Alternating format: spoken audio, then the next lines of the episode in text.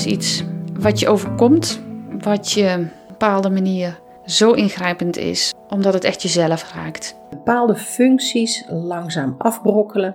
Containerbegrip voor ziektes van de hersenen die tot geheugenverlies of desoriëntatie leiden. Dementie is een ziektebeeld waarbij je een steeds meer een stukje van jezelf kwijtraakt. En voordat je een stukje van jezelf kwijtraakt, raken de mensen om jou heen jou al steeds een beetje kwijt. Intens en onbekend. Een weg die ik niet wist te gaan en die ik wel gegaan ben. Dat is dementie voor mij.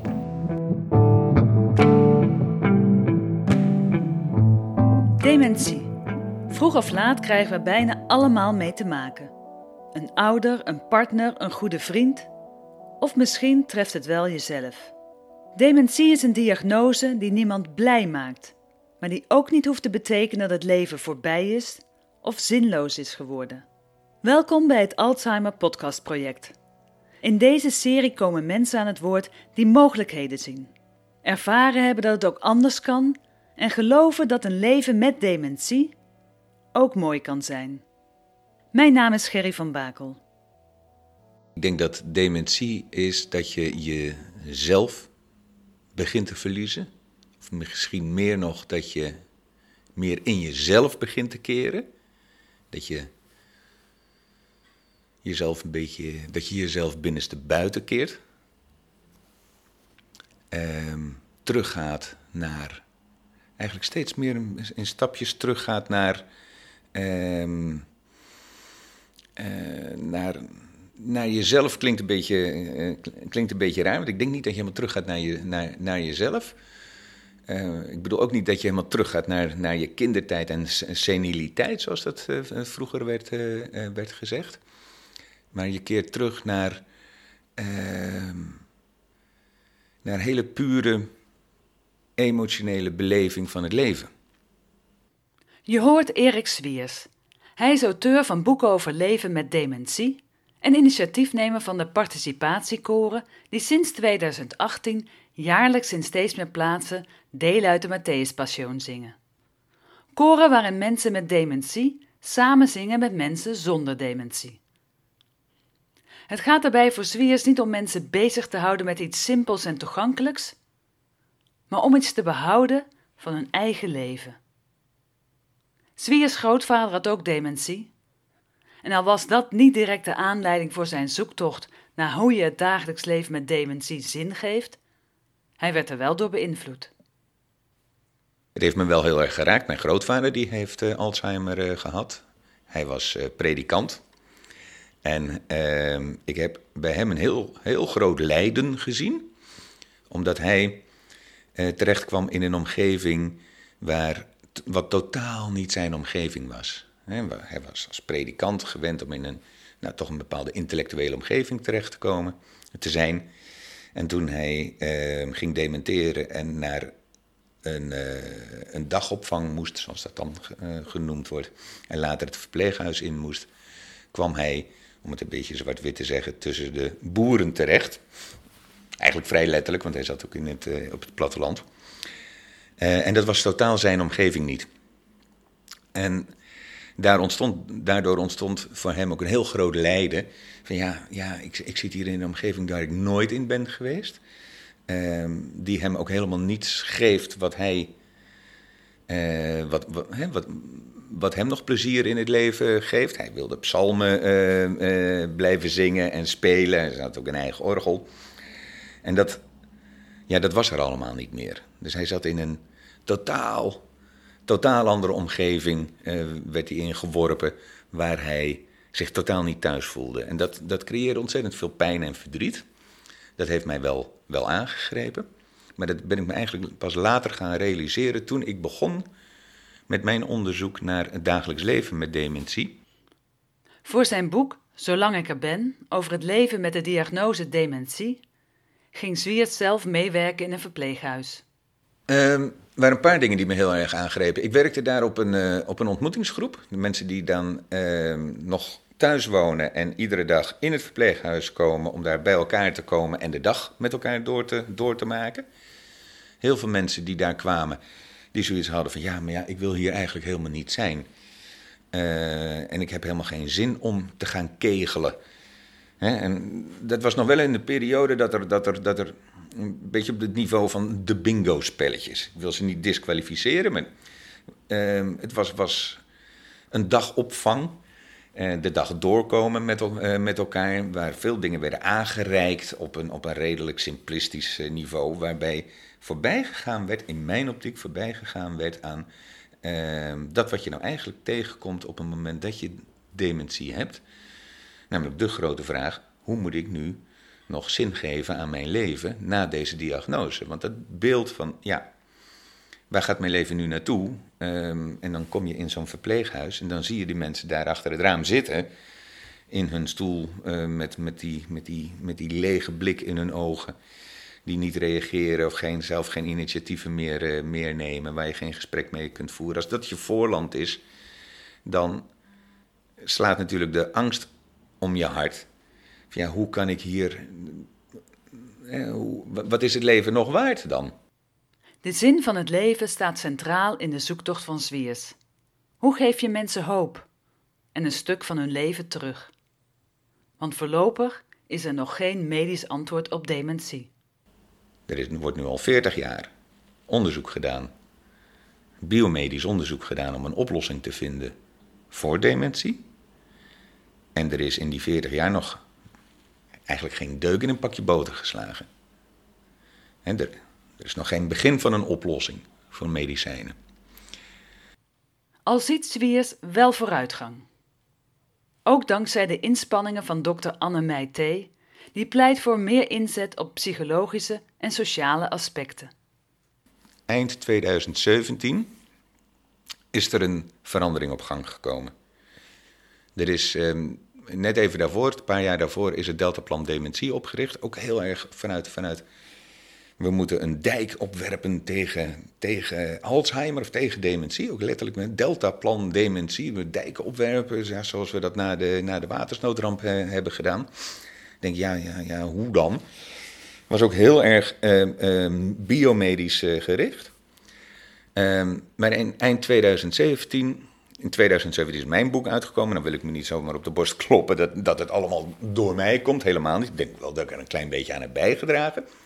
Uh, maar ook Anne Meijté heeft in die tijd een boek uitgegeven, Dagelijks Leven met, uh, met Dementie. En die heeft heel hard op de deur geklopt, ook bij de, bij de minister. En vanaf dat moment, hè, die, die, die zegt ook, ja, de, we moeten zeker doorgaan met dat onderzoek naar, naar medicatie. We moeten kunnen stoppen, of kunnen omkeren, of, of kunnen voorkomen. Maar we moeten nu ook gaan kijken naar die psychologische en sociale aspecten, zolang die medische oplossing er niet is. En omdat de hele zorg is veranderd, mensen moeten langer thuis blijven wonen, uh, kunnen niet zomaar in een, uh, in een verpleeghuis terecht. Overigens ook nog maar de vraag of je dat zou, zou moeten doen. Hè? Mensen die met een diagnose net uh, een, een, een verzorgingshuis in zou moeten sturen. Zwiers wil dat de zorg radicaal anders wordt ingericht. Zonder al die mensen die zich een slag in de rond te werken in de zorg, de schuld in de schoenen te schuiven. Ik moet een beetje oppassen dat ik niet allerlei dingen ga zeggen om mensen in een kwaad daglicht te gaan stellen. Want ik vind, ik vind er wel heel veel, heel veel van. Ik vind ook dat er heel veel goede dingen gebeuren. Maar het is, het is ontzettend lastig om vanuit die systeemzorg een omkering te maken van aanbodgedreven zorg naar vraaggedreven gedreven zorg. En overal in de, in, de, in de financiering van de zorg zie je dat je, je, kunt, je kunt een stukje financiering krijgen op het moment dat je een heel concrete vraag hebt. Van ik heb. Uh, dus nodig dat wijkverpleging langskomt om toe te zien op medicatie bijvoorbeeld. Nou, hele praktische, hele praktische dingen. Maar juist die wat zachtere kant in de, in de zorg, die we in deze samenleving ook eigenlijk steeds minder kennen. De samenleving wordt steeds cognitiever en rationeler. Dus die zachte kant van beleving van het leven en vormgeven aan het leven. En wat is de waarde van, uh, van het leven nu mijn, mijn, mijn eigen karakter en persoonlijkheid zo begint te veranderen. Dat is nog een heel nieuw terrein. En um, de zorg, de systeemzorg, die is niet gewend om ze omgekeerd te denken dat duurt een tijd. En dus de, de, de veranderingen moeten dan ook komen. En ik zie dat de veranderingen wel komen. En ze komen ook allemaal van buitenaf. Er zijn initiatieven die genomen worden, die van buitenaf, van buiten de zorg komen. Um, en van daaruit veranderingen op gang brengen. Zwiers ziet problemen bij de financiering en de eis dat alles wetenschappelijk onderbouwd moet zijn. Het duurt hem allemaal veel te lang. Hij wil graag versnellen. Uh, net, er is net een paar weken geleden uh, een debat geweest in de Tweede Kamer over de financiering van social trials. Om juist dit soort dingen uh, op poten te kunnen zetten en te kunnen kans te geven om te, om te groeien en, en, en in te bedden in een, in een wijk, in een, in een stad. en, zo, zodat men daar over een langere tijd mee aan de, aan de gang kan gaan. Ondanks dat de minister heeft beloofd daar vierjarige financiering op te geven. In 2017 heeft hij dat gezegd. Is dat nog steeds niet gebeurd? Nou, dat vind ik zorgelijk. Daar moet, daar moet echt iets, iets mee gebeuren. Omdat het, ja, die klokje tikt wel verder. En uh, we moeten er nu toch, toch, toch echt wel mee aan de gang. De hele Tweede Kamer vindt het, de minister vindt het ook. Met de hele manier van financieren van de zorg uh, belemmert dat. En alles moet wetenschappelijk onderbouwd worden. Als er geen wetenschappelijk bewijs voor is, dan uh, is het niet evident dat, dat het ministerie zegt: we gaan hier structurele subsidie op leggen. En als je dan kijkt naar de social trials, die zijn nou juist bedoeld om te onderzoeken wat, hè, eh, wat voor sociale en psychosociale interventies zijn er mogelijk, welke werken, welke werken niet. En dan zegt het ministerie, nou, dan gaan wij dus onderzoeken hoe de social trials werken. En dan, dan ga je dus onderzoek doen naar een onderzoek. En dan denk ik, ja, dat, bedoel, het wordt een hond die achter zijn eigen staart aanholt. Als daar nou eens werkelijk uh, de schotten tussenuit gehaald worden, die verschillende financieringsmogelijkheden, dan zou je veel, veel meer kunnen versnellen. Dan komt het echt op gang. Zwiers is duidelijk iemand van doen. Niet te lang blijven praten en er vooral niet van uitgaan dat dingen niet kunnen. Zoals mensen met dementie de Matthäus laten zingen. Zwiers zette zijn tanden erin en het eerste participatiekoor kwam er. Met dank aan Nico. Ja, ik, ik, ik, ik kwam op de gedachte van de, uh, van de participatiekoren door, uh, door Nico, een van de mensen die ik uh, twee jaar lang heb. Nou, ik heb Nico maar zes maanden kunnen volgen, omdat hij ervoor koos uit het leven te stappen.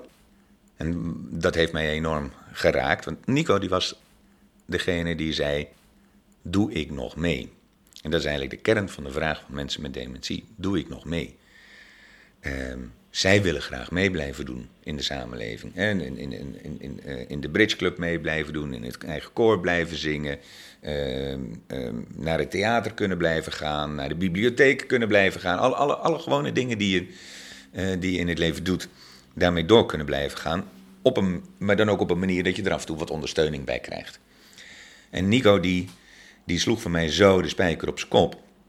Want van het begin af aan dat ik hem ontmoette, zei hij: Ja, doe ik, doe ik nog mee? Ik word behandeld alsof ik geen armen en benen meer heb.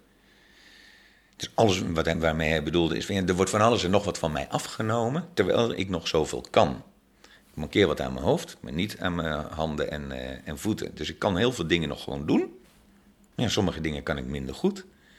Maar omdat ik dingen minder goed kan, kan ik ineens, mag ik ineens niks meer. Mag ik ineens niks meer. Mag ik niet meer meedoen. De dag voor zijn overlijden uh, had ik het, uh, de eer dat ik nog een hele dag met hem uh, mocht optrekken.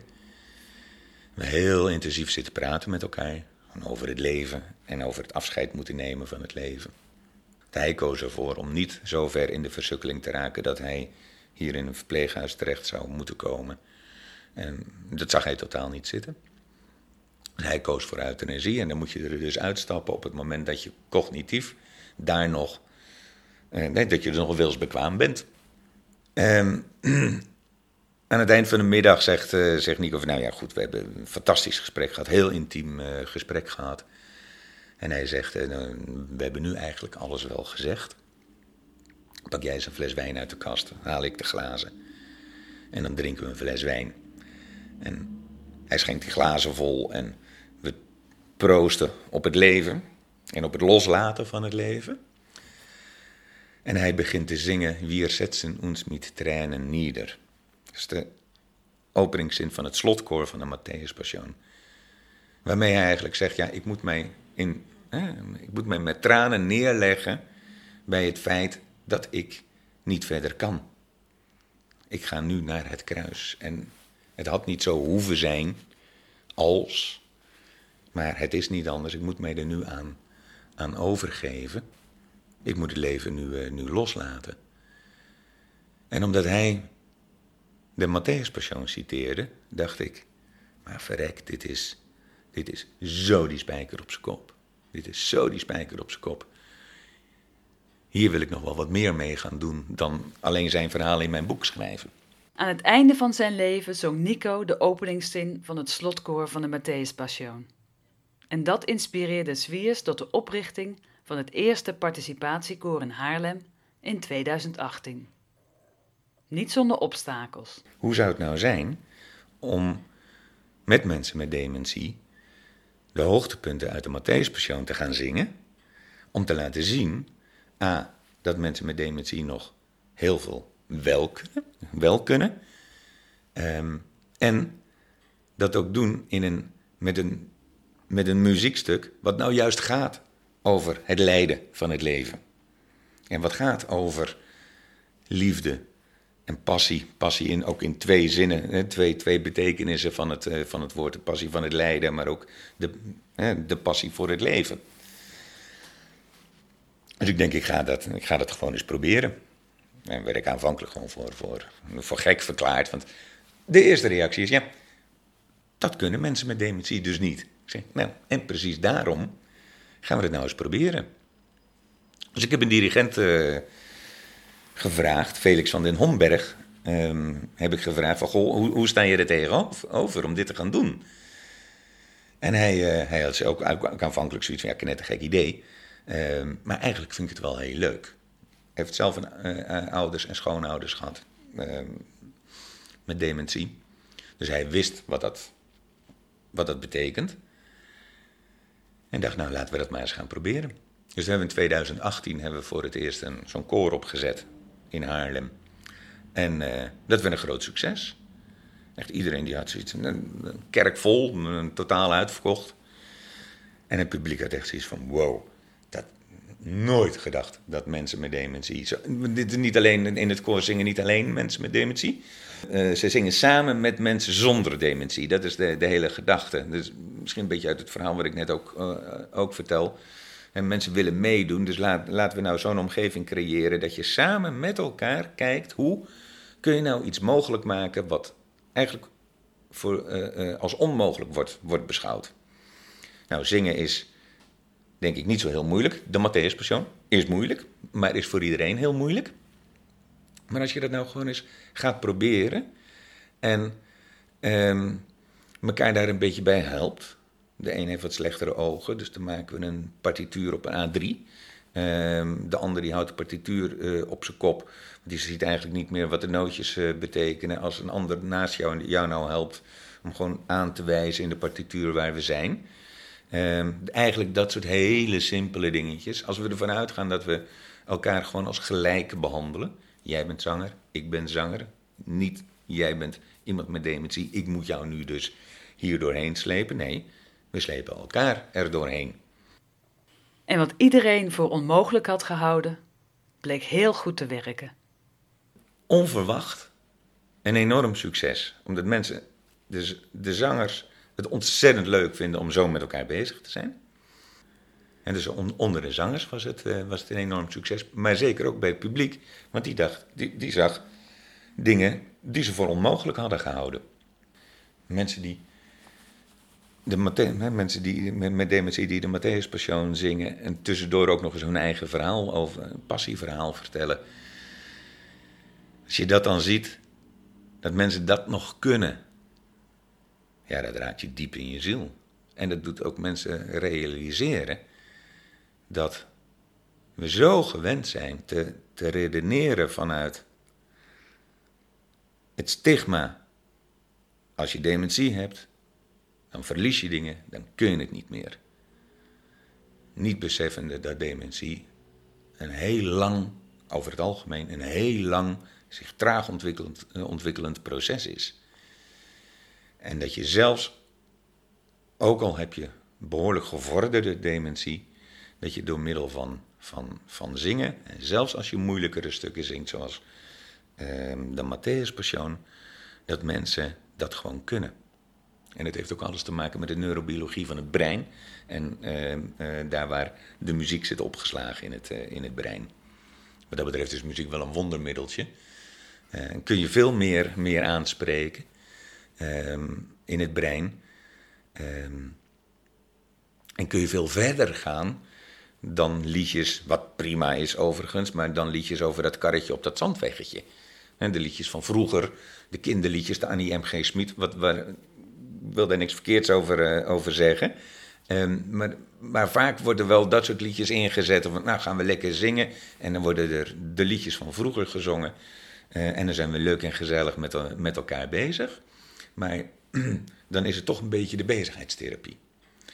Op woensdagmiddag in het verpleeghuis de animatie. Uh, twee uurtjes liedjes zingen. Nou, dan hebben we twee uurtjes van de middag gevuld. Terwijl wat ik er juist mee wil, wil doen is. Uh, samen met elkaar. Echt samen met elkaar muziek maken en zin geven. Op die manier zin geven aan het leven. En het ook uit het verpleeghuis te halen. Gewoon hups, met z'n allen die kerk in. Zoals je dat vroeger ook deed. Je hoorde Erik Swiers. Een man met passie voor het leven en die het anderen ook gunt. Ook al heb je de diagnose dementie gekregen. Dat betekent niet dat je niet meer mee wilt doen. Zwier stelt voor dat wij als samenleving ervoor zorgen dat mensen met dementie ook kunnen meedoen.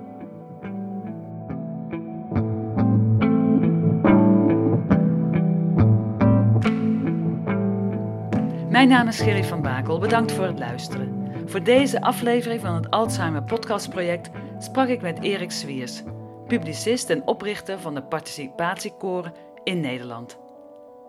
Ga voor meer informatie over deze koren naar www.participatiekoor.nl.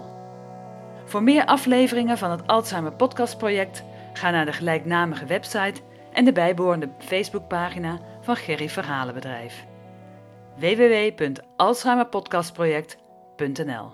En je vindt me ook op Instagram.